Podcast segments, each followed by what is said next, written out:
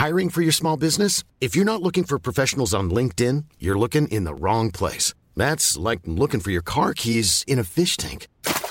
LinkedIn helps you hire professionals you can't find anywhere else, even those who aren't actively searching for a new job but might be open to the perfect role. In a given month, over 70% of LinkedIn users don't even visit other leading job sites. So start looking in the right place. With LinkedIn, you can hire professionals like a professional. Post your free job on linkedin.com slash people today. Everyone knows therapy is great for solving problems, but getting therapy has its own problems too, like finding the right therapist, fitting into their schedule, and of course, the cost. Well, BetterHelp can solve those problems. It's totally online and built around your schedule. It's surprisingly affordable too. Connect with a credentialed therapist by phone, video, or online chat, all from the comfort of your home. Visit betterhelp.com to learn more and save 10% on your first month. That's BetterHelp H E L P.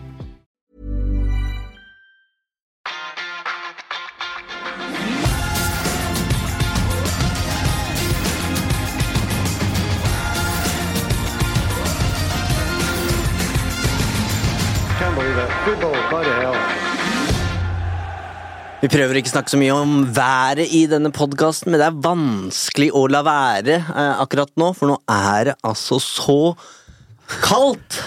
Det er det. Men da varmer det med avansement i FA-cupen, Fredrik. Ja, gjør det ikke det? Jeg er ikke, sånn, jeg er ikke fyr og flamme til tross for at vi har slått Wiggen, men vi, i 2024 så, så tar vi det vi får, tror jeg. Hør her, folkens. Vi er to kamper fra Wembley etter at vi trakk Islay eller Newport. Ja, du har innkassert ned på forskudd. Du er der. ja, det. Ja, Er det to? Ja, for vi er jo nå i en 16-delsfinale, og så tror jeg vi kommer til en åttendelsfinale, og da er det bare åttendelsfinale og kvartfinale før vi er på Wembley i semifinalen. Du er kanskje i finalen, du, var det du tenkte på? Eh, nei, men vi er vel tre kamper, fordi det er fjerde runde nå mot Newport eller Eastley. Eh, og så er det femte runde. Så er det kvartfinale. Og så er det Så er det Wembley ja, ja, i semifinalen. men vi slår Eastley eller Newport. Newport. ja, det er ja, poenget ja, mitt. Så vi er nå, fordi vi slår Wiggen, så er vi egentlig bare to kamper fra Wembley. Vi er altså kommet uh, til et punkt i uh, United-livet at vi kan innkassere seier mot Newport eller Eastley. Positive Dag er tilbake.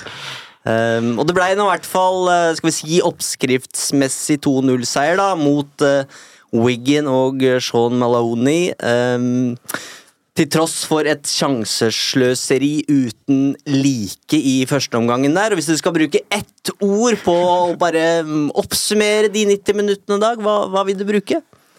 Hvis jeg skulle oppsummere sjansesløsingen i første omgang, så skal jeg innrømme at jeg satt der. Hva er det han driver med?! Satt jeg i sofaen der. Og at vi ikke klarte å score på et par av de sjansene, og spesielt headinga hvor han ser innlegget til Garnaccio hele veien. Men uh, ellers så mener jeg, der vi er nå, at jeg sier job done. Men jeg hopper over well. Ja. Ja, for det- det er, det er liksom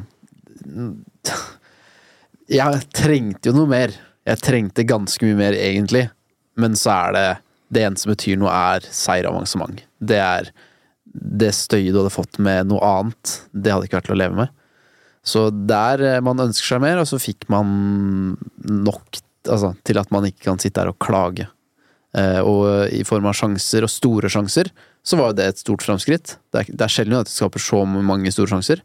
Det var positivt, og så er det ekstremt negativt at de ikke klarer å omsette så mange store. Da. For, det, for min del var det viktig at Høylund skulle bygge videre på Nå har vel ikke han vært i aksjonssiden Aston Villa, eh, og det, det var tungt for han. Eh, det var ikke bare at han kunne, det var også noen av de han absolutt burde satt i mål.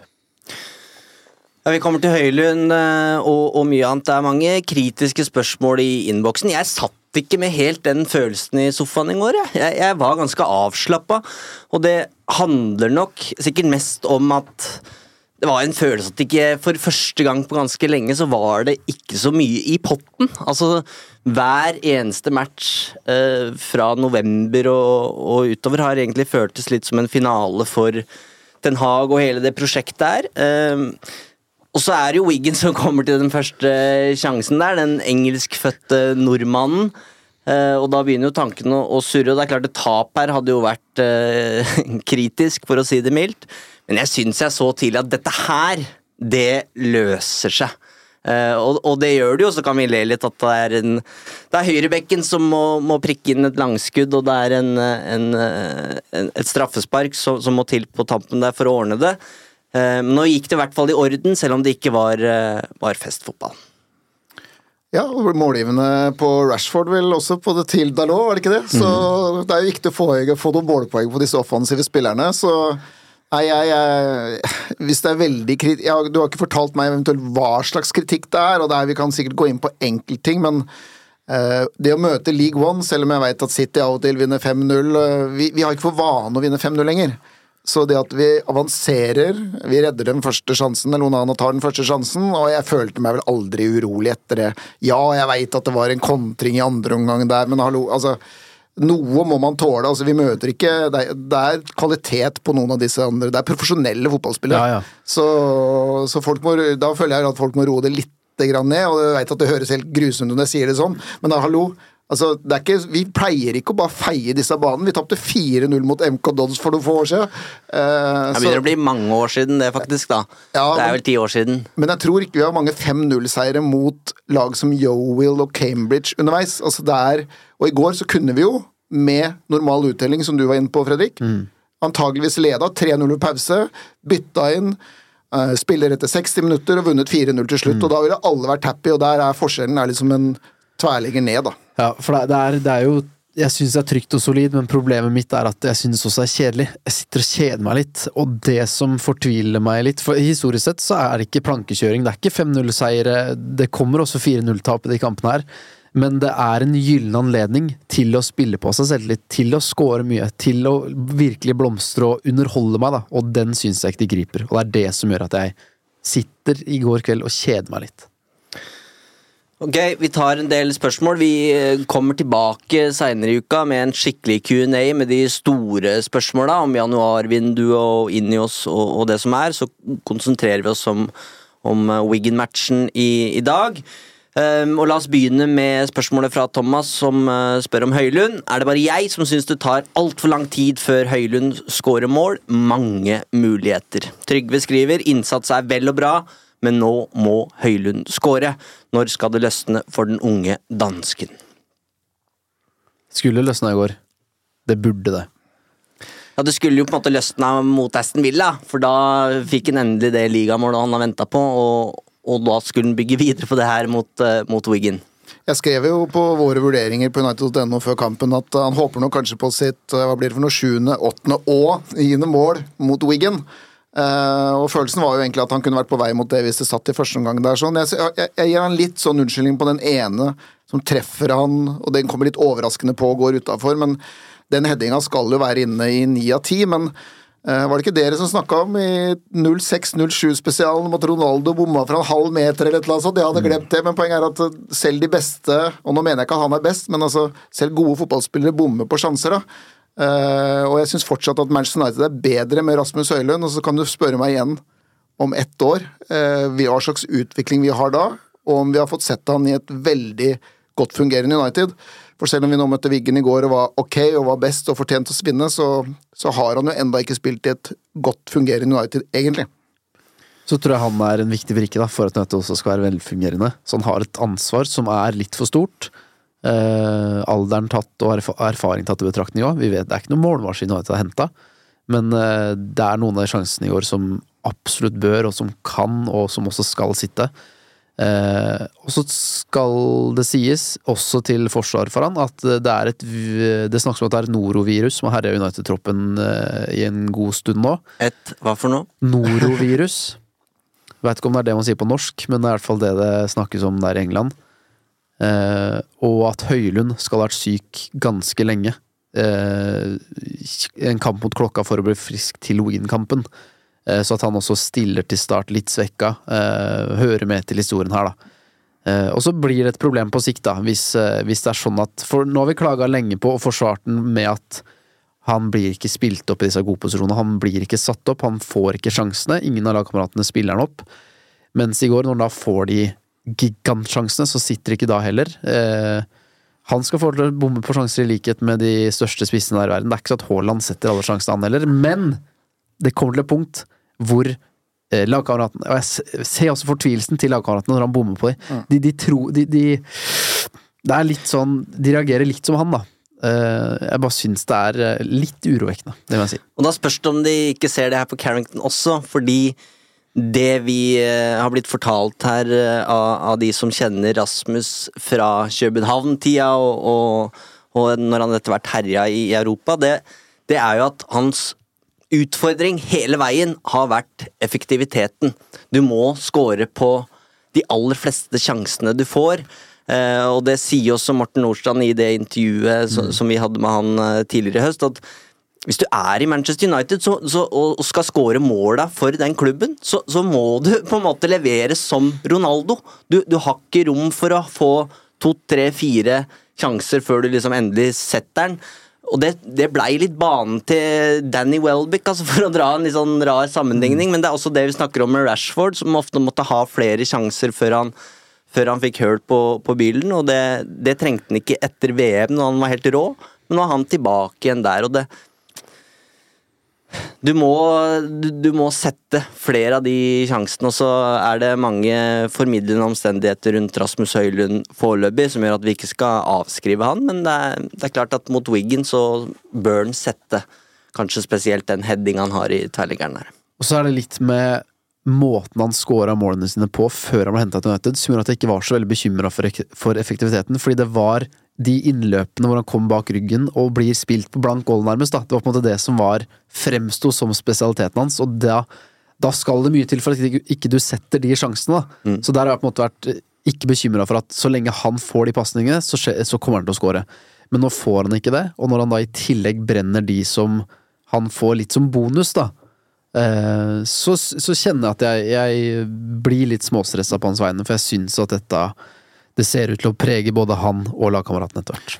Usi usikkerheten min med Rasmus Høylund er mer hvor god er han om ett og to år og tre år og fire år? Altså Hvor mye er det han klarer å utvikle spillet sitt og seg selv som fotballspiller? Det vet vi jo ikke, det kan jo bare tiden svare på. Men eh, jeg er veldig var på at eh, Og det blir jo det blir ikke til oss, for vi svarer jo nå på et spørsmål fra, fra våre, våre lyttere. men vi, vi kan, jeg føler at det blir helt feil å ta Rasmus Høylund for at han som 20 år gammel spiss er satt inn i den posisjonen han er nå i United, alene. Det er ingen backup. Joe Hugel ble ikke bytta inn i går. Antony Martial er ikke der. Vi har ikke noen altså, så vi snakker her, altså, Hvis vi skal klare å gjøre han til noe negativt denne sesongen her, så syns jeg det er helt feil. Å stille spørsmål ved hvor god er han, det må vi åpenbart gjøre. Hvor god kan han bli? Absolutt. Men det er ikke Rasmus Høylund som har vært problemet til United denne sesongen. her. Det er i så fall at United har satt seg selv i en posisjon hvor Rasmus Høylund er det eneste spissalternativet. Godt oppsummert, det. Og det, det handler bare om at i går kom omsider de sjansene vi har etterlyst, og så satt han ikke de, og det, det vekker jo ikke tillit. Men uh, United ser bedre ut med han på banen, utvilsomt, og de gangene han ikke spiller, så er det et skrikende behov etter nettopp han, og så skulle det vært en spiss over han igjen, som gjorde at han kunne få spilt eh, en litt mindre rolle enn det han gjør. Og så, så vet jeg at sant, Det er jo avhengig av sjanser her, men hadde denne headinga da, gått tverrligger ned, og han hadde levert akkurat den samme kampen, så hadde vi antageligvis sittet her og tenkt at ja, nå fortsatte han. To mål på to kamper, tilbake med en gang, selv om han har slitt med norovirus eller novovirus, eller hva du kalte det. Så da vil på en måte spinninga vært på en annen måte, da, og det forskjellen er da en halv centimeter eller en millimeter på hodet.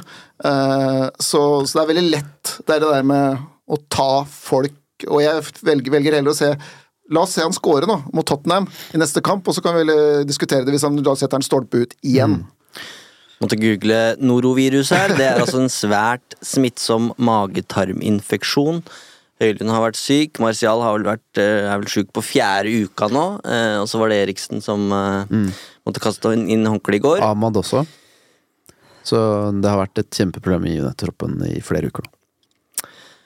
Ehm, ingen god dag for Høylund, dessverre. Men eh, det er jo en uh, unggutt på midten som eh, vi vel kan kåre til man of the match med god margin. Kobi Maino. Bare snakk litt om han, skriver Sigurd.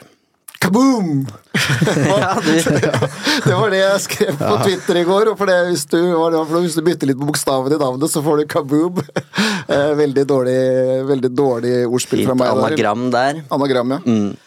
Nei, og det beste, Hvis jeg kan si én ting før dere kan sende det tilbake, det er jo at uh, jeg har jo fulgt han i noen år, og det som er kult, det er at uh, han er enda bedre enn det her. Det er det jeg også skulle si. Det er det skremmende med dette. Vi har ikke Og da tar, kan jeg bare ta ett eksempel.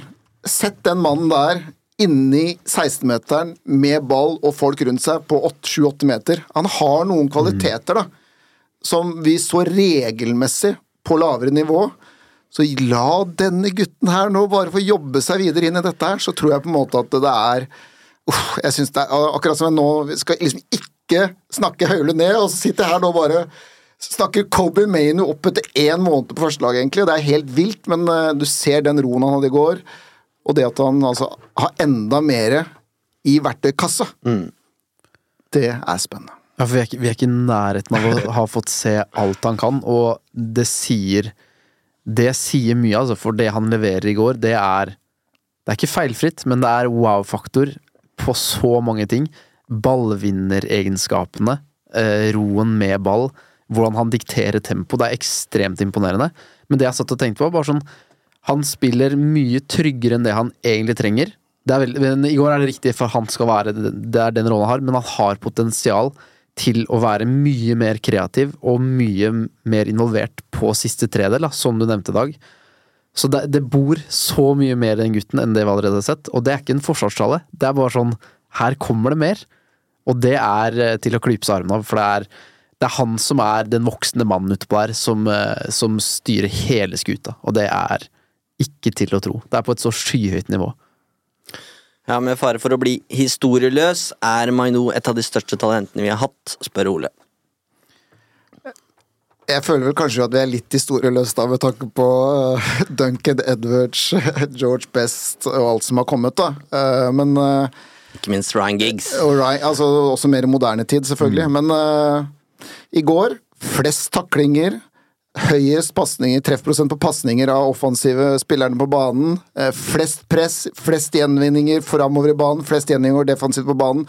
Jeg, jeg har en sak liggende på United.no som kommer nå straks, hvor det handler om i hvert fall ti ulike ting som han var best på, enten på banen eller hos United. Så da kan vi i hvert fall konkludere med at han er god nok for league one. Ikke sant? Jeg så en som Jeg tror han svarte på din tweet i går, Eivind, som eh, sammenlignet med Klaren Sedorf. Og den eh, Altså spillertypen og eh, løpssteget, kroppen eh, Det er en er dum. meget god sammenligning. Ja. Og hvis han eh, også blir i nærheten av like god som Clarence Sedorf, eh, så, så snakker vi. Og det er ikke noe jeg Altså, så god, så god er han at det gidder jeg ikke utelukke engang. Det er ikke, det er ikke fleipete å snakke om. Eh, så Sedorf, helt enorm, men eh, Kobi Maino med de se, se, da. Han har vært ute i flere måneder. Kommer inn et United-lag som ikke fungerer, og er den som gjør at det faktisk ser ut som et lag. Da han binder hele maskineriet sammen. Helt uvirkelig, faktisk. Debatten nå går litt på hvem han skal spille sammen med. Eh, og dette var jo en av mine første kjepphester den sesongen her, at nå, nå handler det om å skaffe denne unggutten en verdig makker. Eh, men la oss holde oss nå i, i 23-24-sesongen eh, foreløpig. Vi venter jo fortsatt på Mount og, og Casemiro. De er neppe klare mot Tottenham. Eh, vi så jo Maino måtte rydde opp litt etter, etter McTominay i går, og Eriksen er ingen langtidsløsning. Men hvem er det dere vil se Maino sammen med på midten der? Avfeier du at du kan spille sammen med McTominay fast framover? Ja, får mye å gjøre. Nei, jeg sender den til Fredrik, jeg. Ja, når alle er friske og raske. Jeg har veldig lyst til å se Og nå er det store spørsmålstegn knytta til Casemiro, men det er, det er den konstellasjonen som Får rydde opp etter Casemiro isteden. Ja, men Si at Casemiro eh, Hvis vi bare kan knipse fingra, da, så fungerer han igjen. Eh, da, da kan Maino få en rolle med større offensiv frihet. Så kan han få blomstre og vise hva han kan der også. Det er en konstellasjon jeg i utgangspunktet tenker kan være veldig fin. Eh, I første omgang når jeg sier det, så tenker jeg at det høres litt for defensivt ut, men så snakker vi om disse offensive kvalitetene til Maino, da. Som gjør at jeg tror at dette kan være veldig bra. Og hvis Maino skal være den sittende, så er det jo Mason Mount, da, som jeg tror Erik Den Hag i utgangspunktet har signert til å være nettopp den som kan fungere i en konstellasjon med Maino. Så Magno er eh, Han tror jeg kan spille veldig mange andre gode. Ok, Hvis det er Mount jeg skal spille i dag, jeg tar den rollen. Er det Casemiro i morgen, da tar jeg den rollen. Det tror jeg han er god nok til. I hvert fall på sikt. Da blir det en M&M på midtbanen. Ja. Det, I disse Mesternes mestertider. Ja. Hadde en, eh, et langskudd der som, eh, som vel gikk utafor, eller ble det redda? Det ble redda. Venta Redda. jo fortsatt på sin første scoring, men Bruno Fernandes fikk en ny scoring i FA-cupen. Står nå med seks målpoeng på de siste sju FA-cupkampene, så han er en bra cupspiller for eh, United. Og er jo i ferd med å bli straffekonge i klubben. Har han tangert Ruud van Nistelrooy? Yes. Begge står med 28 skåringer for klubben fra straffemerket. Så er det Rooney på 27, Cantona på 18, Ronaldo på 15. Og Fernandes lå jo øverst på øh, Hva heter det? Treffsikkerhet, eller altså han hadde Hva heter det? Uttelling? Uttelling, Best uttelling fra straffemerket. Men nå har han bomma en del, står vel med en prosent på 87,5% så nå har han vippa ned igjen av Cantona, som uh, scora på 18 av 20. Ja. Så Fernandes har scora på 30, 28 av 32. Ja, Ja. stemmer. Eh, og så er det egentlig en, jeg vet ikke om du kjenner det navnet her, eh, Dag. Jerry Daly. Uh, nei, sa meg ikke så mye Altså Det sa meg såpass mye at jeg kan ha hatt han på footballmanager eller tilbake i tid, eller noe sånt, men nei. Hvis du snakker om, hvis du Da snakker om har du spilt en tidlig versjon av Championship Manager, for dette her er fra 70-tallet, Men snakker vi United, eller? Ja. Oh, ja, Nei, da, hvis det er United, så har jeg ikke kontroll. Men jeg har tenkt mye på Charlie Mitten, om han kom et eller annet sted. Men øh, for vår kjære. Ja, han kan også, for så vidt, men dette er eh, Gary Daly spilte for United fra 73 til 77, og han er på en måte den egentlige straffekongen i Manchester United. Han skåra på 16 av 17 straffer, og står dermed på en eh, en utdeling på 94% så den er ikke engang Cantona eh, Den slår ikke han engang. Men vi lener oss på Steinar Madsen, som er supporterklubbens historiker.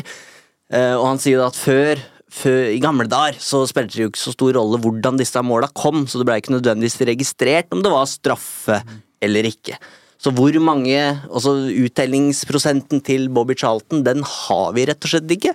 Så enten eh, vi vil eller ikke, så må vi på en måte sette en grense et sted, og den er satt på 92-93-sesongen. Ok, ja. Så Men du kan spørre eh, Andy, du kan spørre Andy Mitten om Charlie Mitten en gang, Ja. fordi Jeg har nemlig lest den boka, og det er et eller annet i den boka om at han var og er slash bortimot den beste straffeskytteren, så det er en eller annen måte så har Andy, eller hvem som skrev den boka, funnet, funnet noen tall der.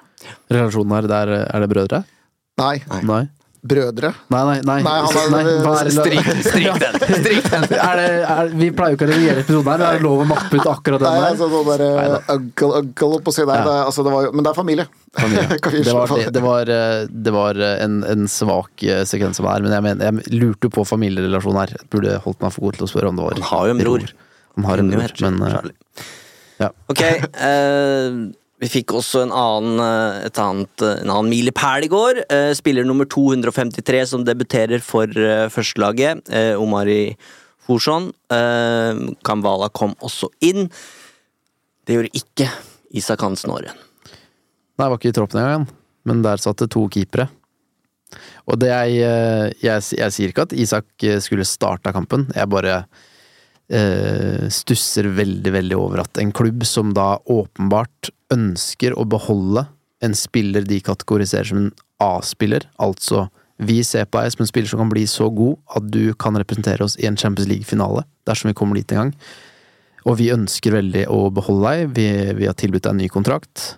Um, men og, tre, og han trener jevnlig med A-laget, får gode tilbakemeldinger, også fra spillerne som trener med A-laget. Men når det skal møtes et, league- et båndlag i league one, eh, så tar du med deg Tom Heaton og Altai Bayandir, i stedet for å for eksempel ta med denne talentfulle nordmannen. Og det er ikke fordi han er norsk at det er så viktig for meg, det er fordi jeg syns han er god og skulle ønske at han fikk en mulighet til å vise seg fram. Og at jeg bare syns dette fremstår uforståelig, og jeg lurer på, i den grad du ønsker å overtale en unggutt til å bli værende i klubben, eh, så kan jeg ikke se for at dette er riktig måten å gjøre det på. Det er bare det jeg sitter og føler litt på. Jeg er nok litt, jeg er litt mindre stressa av det, men altså, hvis du ser på hans posisjon, eh, så er det en ting. Men det er sånn, United har jo veldig lenge nå, syns jeg, kjørt med to keepere på benken. Mm. Det irriterer meg. Det er mitt problem. Jeg, jeg bryr meg ikke noe om Isak Hansen Aare, men hvorfor skal du ha to keepere? Altså, har det noen gang skjedd at førstekeeperen blir skada, og så andrekeeperen og tredjekeeperen faktisk må inn fra benken? Jeg kan aldri se for meg Det er faktisk en sånn greie med Det har sikkert aldri skjedd i fotballhistorien, men likevel så fratar United muligheten for å ha en spiller som faktisk Og du trenger jo ulike rollespillere på en bane, da. Som er, det er lettere å bruke utspillere. Du kan kanskje se løsninger, muligheter for å bruke de. Så jeg, jeg skjønner ikke helt hvorfor de gjør det. Og så skjønner jeg da at det er noe med førstelagsgarderobe kontra det andre og alt sånne ting, men Nei, øh, men jeg var derimot helt enig i at André Onana starta. Der var jeg, Ja. det var jeg fornøyd med. for det mm, er Men ikke ikke Hans det- enig. Nei, men Han spør når skal det- Bayendir få spille seg i form. Ja, men dette er jo det, Dette er også sånn mysterium for min del, fordi jeg er helt enig at når Onana først er hjemme og har forsinka utreise, så var det helt åpenbart at han skulle stå, men det jeg da stusser over, er eh, skal stå på et tidspunkt her, og han burde jo fått en innkjøring før han skal ut i de vanskelige kampene der det faktisk er mye tøffere enn det det er mot Wiggen. Så for min del var dette den ilddåpen eller generalprøven han skulle få. Det skjønte at han ikke fikk når han ble værende. Jeg bare stusser over at er det så viktig å beholde Onana mot Tottenham? Det var den kampen som var viktig, ikke den i går. At du ikke kan la den andre keeperen få spille seg litt varm først, det stusser jeg over. Jeg kan ikke skjønne at For da blir Bainir bare hivet rett inn der, framfor at han får den generalprøven. da. Den syns han skulle fått. Ja, men nå blir jo denne generalprøven mot Eastley eller Newport, da. sånn sett. Eh, og så kan det hende Onan er tilbake til Wolverhampton etter det her igjen. Eh, Ja, for sånn den sett- kommer i mellomtida. Ja, så East, Ja. Er neste kamp etter Tottenham, så han får den uansett. Men det er jo, man kunne trukket City bort Liker også. at du Man kunne trukket City. antar at det er Eastley fra Conference League som skal eh, Det er Newport som er favoritten Ja, der, det må det være. Ja, men det, det hjelper jo litt, da. Ja, Utvilsomt. Men, kommer i så, men det vi har sett da, med den situasjonen, og jeg kan skjønne, at, skjønne grunntanken her, men hvis Bayendir skulle fått sjansen, så mener jeg at det er ikke Han kunne jo for så vidt fått det i går, men da kunne, burde vi tenkt på dette her allerede i november eller desember i enkeltkamper, da. Og Det har han ikke gjort, og det viser meg veldig tydelig at Erik den Haag mener at André Onana er Uniteds soleklart beste keeper, og det respekterer jeg helt og fullt. Og så har det også vært utfordringer underveis her, så jeg tror det kan være nyttig at André Onana har spilt og fått noen gode opplevelser oppi alt det som var dårlig i Champions League. Eh, Så jeg har veldig sånn relaxed rundt det der, og Bayendi spiller jo altså De har internkamper på treninger. Han har stått én kamp for Tyskland vel i høst, og det, da vant de borte mot Nei, en, en kamp for Tyrkia Mot mot, Tyskland, og da vant de jo i Tyskland, og han klarte seg bra i den kampen. Så er det sånn derre Han tåler nok også å ha en vanlig treningshverdag og komme inn og spille mot Eastley eller Newport eller City. Ja. Eller Wolverhampton. det, det For meg er psykologien i dette litt interessant. Fordi det gjelder dette med Isak også, og unggutter generelt. Da. For jeg er veldig for at eh, du skal kjempe for det, jobbe for det, for å få den plassen på benken. Og det kan også, jeg liker også at trenerne tester deg. Hvordan responderer du nå på det du kan oppleve som en urettferdig utelatelse fra en tropp? Nå skal du vise meg, ikke ved å klage og syte og synes synd på deg selv, men ved å vise at du har enda mer inne. Jeg liker at det, at det, at det testes. Her også, eh, så, men det må komme noen gulrøtter innimellom da, for at du faktisk får den gode responsen, tror jeg. Og med Bayendir her, hvis Ten Hag viser så tydelig, rett før han faktisk skal stå noen kamper her, at Onana er så mye bedre enn deg, at, at det er han som må stå når vi møter Wiggen også, så tenker jeg psykologien i det, det er ikke akkurat det legger, det legger ikke opp til et klima hvor det, prestasjonen og tryggheten kommer først, da, for Bayenir. For det, han vet at den skal i aksjon. Og så er det absolutt fint at det kommer den FA-cupkampen mot dårlig motstand for del. Det er kjempeviktig. Men det å så tydelig vise at her er det en førstekeeper som er så mye bedre enn deg, for det er i hvert fall sånn du tolker det, det syns ikke er en god måte å drive en tropp på. Det er, eh, det er del av en større Ten Hag-debatt, det her, for det har vi snakka om flere ganger. Hvilke signaler er det han sender til eh, de andre spillerne utafor elveren, når du stadig vekk holder på f.eks. Antony, som han har gjort tidligere. Og Elling spør jo nå 80 pluss mot League One-motstand uten bytter. Neste motstander er på nivå fire eller fem. Når tør Ten Hag å rotere? Og det var jo Beklager. Eh, et år siden vi satt og reiv oss i håret fordi han stilte med førsteelveren mot Nottingham Forest i, i returen der i ligacupen, var vel det. Eh, når avansementet var så godt som sikra. Eh, vi går nå en vår i møte her som er langt, med langt mindre belastning uansett, så det kan nok være at ja, hvis det blir Eastley i dag, at, det blir elveren der også, men hva tror dere? Får disse andre prøve seg? Basert på erfaring, nei. Men hvorfor skal de få prøve seg? Jeg føler at det er en sånn veldig sånn Nei, den er jo åpenbar. Men altså, Vi bruker de to beste unggutta, og de er jo ikke gamle i det hele tatt. Altså, Meinu er akkurat fylt 18, eller 18 og et halvt nå, vel. Nei, jeg vil si Han nærmer seg kanskje 19 nå, nå er vi plassert 24. Eh, Garnaccio er vel 19. Eh, så vi bruker de to beste unggutta, og vi, jeg mener vel at er det noen av den Er det noen på U21-laget som jeg tror på til å bli United-spillere? Nei. Ikke som jeg kommer på nå i det hele tatt, og da inkluderer jeg også Isak Hansen Aarum pga. situasjonen. Så det er ingen av de jeg tror kommer til å bli United-spillere på sikt, så liksom hvorfor skal nødvendigvis de spille da? Og de hadde jo spilt i går, tror jeg, hvis du hadde leda 3-0 ved pause og fått 4-0 etter 60, så hadde det vært en helt annen kamp, men hva hadde skjedd i går, eh, Eivind og Fredrik, hvis vi leder 1-0 fram til ganske seint, og så bytter du inn på to spillere, og så spiller du 1-1? Fordi Willy Kambala gjør et eller annet gærent, eller bare en eller annen Hva, hva skjer da? Hvem er, det som får, hvem er det som får høre det? Det er jo Erik Den Haag. Ja, men- Så han er jo på en måte Sånn sett så setter vi han nå i en posisjon hvor vi diskuterer en sånn, at han er nødt til å tape, da. Uh, vi har de elleve beste spillerne, de vinner kampen, og så kommer, kommer det et par bytter. Helt greit. Men kampen i går mener jeg at det er helt riktig å stille, stille sterkt fra start.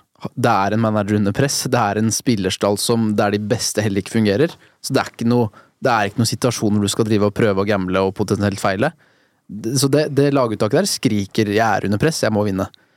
Så det var jeg helt enig i, men det er mange ganger tidligere, som den kampen mot Nottingham Forest, når United har med seg 3-0, vel? 2-0? 2-0 går på fra første kamp, tror jeg. Fjor, ja. Ja. Det, er, det er bare mange anledninger over mange år nå, og flere managere enn bare Ten Hag, som jeg syns ikke bruker troppen godt nok, eller gir mange nok gulrøtter til ungguttene. Og er det at du har konkludert på at, ingen av dem er gode nok, så er det også Det er greit å mene det, men å si det så tydelig i form av handlinger Hvordan skal du holde en spillergruppe motivert? da? Hvordan skal du sørge for at klima og nivået på trening er høyt nok, hvis halvparten av gutta vet at treneren syns jo ikke jeg er god nok, så hvorfor skal jeg gidde å stå på her? Det er det jeg snakker om, hvordan du holder en driftig gruppe i gang. da. Det er bekymringen min, Men i- mer enn at det er så viktig for meg at det er han eller han som skal spille, for det handler jo mer om individuelle behov og ønsker. Det handler jo ikke om unggutta nødvendigvis, det handler jo nesten mer om de nest beste. Eh, For eh, på en regnværsdag så trenger du Pelistri, da trenger du Lindeløv. Og hvis de skal gå i krigen mot Eastleigh, så må de på en måte føle at ja, men jeg fikk, jeg fikk sjansen av manageren når, eh, når det var rom for det. Mens når Onana skal stå hvert eneste minutt i hver eneste turnering, og Bayindir kommer iskald inn der Når Onana skal til Afrikamesterskapet, så føler jo han at ja, Nei, men jeg var jo henta inn for å bare stå når det var emergency, og så er det tilbake igjen på benken. Og det, dette her kan vi dra enda lenger òg, Fordi da kan du begynne å snakke om Ten Hag-kjøp, og skal vi kalle det klubbkjøp. Og dette, er en, dette blir en ny hverdag for manageren, som ikke har fått nå lenger kan plukke alle signeringer. Så han må jo finne seg i sannsynligvis at her kommer det inn brikker som han ikke nødvendigvis har satt på ei liste, og de de må på en måte behandles likt som alle kjøpa som han har gjort personlig, for å si det på den måten. Men, men, her, men her er jeg føler at det, nå er vi litt sånn to forskjellige ting, da. Det ene er å ta han for å ikke bruke troppen, som han var jo altfor må- dårlig på forrige sesong, eh, når det var ekstremt tett kampprogram. Eh, en annen ting er jo å skulle ta han for at han ikke bruker noen nok U21-spillere som heller ikke har vært gode denne sesongen her. Og når jeg sier gode, så altså Det er ingen U21-spillere på U21 som jeg nødvendigvis har tenkt at du må bare inn på laget. Den eneste som jeg glemte i stad, altså, kan trekke fram som men Han var jo ikke med i går, han var vel antakeligvis uh, Noro, Noroviruset hadde også, da. Dan Gore kunne kommet inn i går, og han hadde kanskje gjort seg fortjent til det, basert på den, den høsten og det han har gjort. Men ellers så var det jo ingen på det laget her. Eh, og hvis du ser på det laget han sender ut på altså, Det var ingen som forventa denne sesongen her at vi skulle spille med Johnny Evans. Midtstopperplass. Ingen som forventa at Scott McTominay skulle spille. Ingen som egentlig forventa at Kobe Mainu skulle spille som han har gjort heller. Altså, det er jo allerede flere, av han Dalot som venstreback, det er allerede mange ting som har skjedd, og det er en tropp som er blitt brukt over Altså Vi har soleklart flest spillere som har vært i aksjon av alle disse topplagene, f.eks. På Ja, skadesituasjonen. ska- ja. På grunn av skader, ja, men poenget er at han er allerede tvunget ut i et voldsomt byttekjør.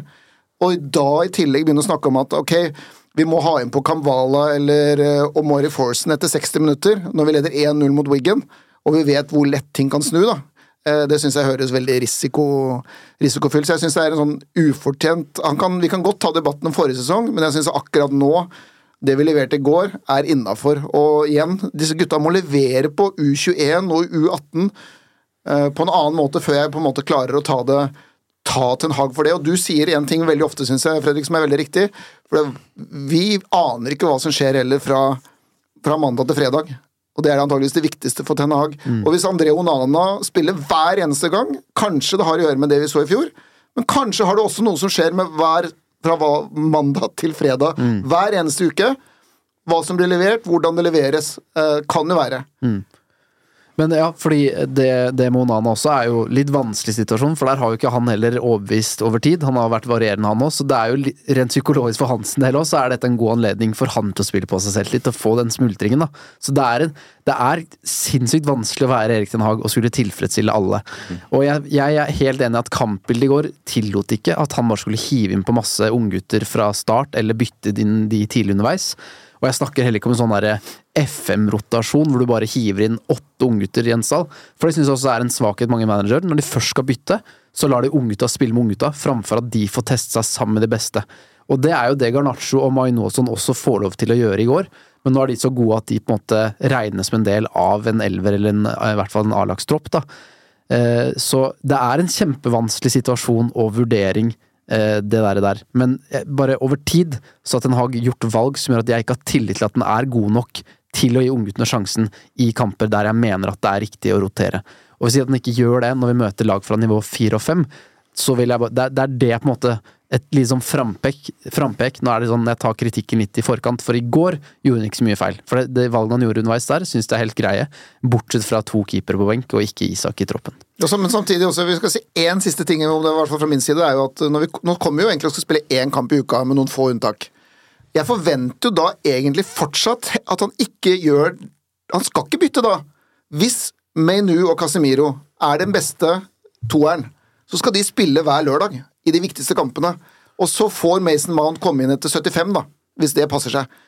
Han skal ikke nå blidgjøre alle. Det blir Luke Shaw på den ene bekken, og det blir Dalot på den andre, og det blir Martinez og Varan hvis det er det som fortsatt er best. Altså, han må, og den gjengen skal spille når vi har én kamp i uka. Utfordringen er når det er 60 kamper på et år, og du ikke gjør det. Og da har du antageligvis fått smell for det nå. Og den tar jeg, men akkurat nå Jeg heier, kommer til å heie på han når vi får den samme elveren uke inn og uke ut. Og det kommer aldri til å skje, da, selvfølgelig. Vi runder av med et eh, ja-nei-spørsmål. Uh, vil FA Cup-trofé og topp fem være en godkjent andre sesong? spør Ole Martin. Sånn som ting har blitt, ja. Ja, ja. Det, det er mer enn jeg forventer og håper på denne sesongen her. Jeg tror jo fortsatt at topp fem også i Champions League, så da vil jeg si at det er greit nok ut fra forutsetningene. Jeg er mer sånn at jeg frykter eh, åttendeplass og mm, tidlig exit i alle turneringer og sånn. Så det Her tar jeg ingenting for gitt. Svaret er ja. Ja. Hva- Du er med på den? Absolutt. Absolutt. Den Hag er ikke så glad i å rotere. Det, har, eh, det gjør vi i Uno lite grann. Eh, Jon Martin eh, venter vel på å få tatt seg en dusj. Har vært uten eh, vann, stakkars, i kulda. Så vi satser på at han er tilbake til en Q&A om de store spørsmåla. Jaden Sancho og Inios og alt uh, sammen. Og så eh, takker vi for følget. Fått uh, veldig mange meldinger av folk som har hørt på 0607-spesialen og delt sine minner. eh, ting vi også ikke var innom der. Så sjekk ut den eh, hvis du har eh, lyst til det og ikke vært innom den. Der er jo broren til Charlie Mitten innom en tur. Ja, han er- Andy, ja, Andy er med en liten tur. Ja, ja. ja. Takk for følget. Tjo hei!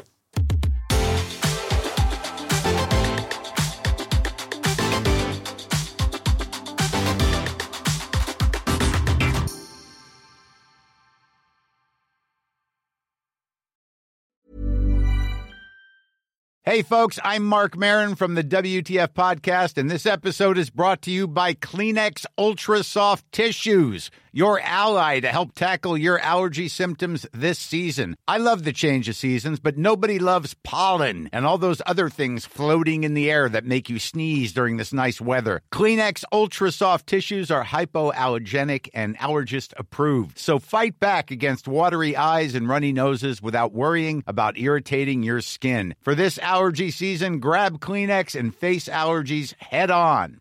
Planning for your next trip?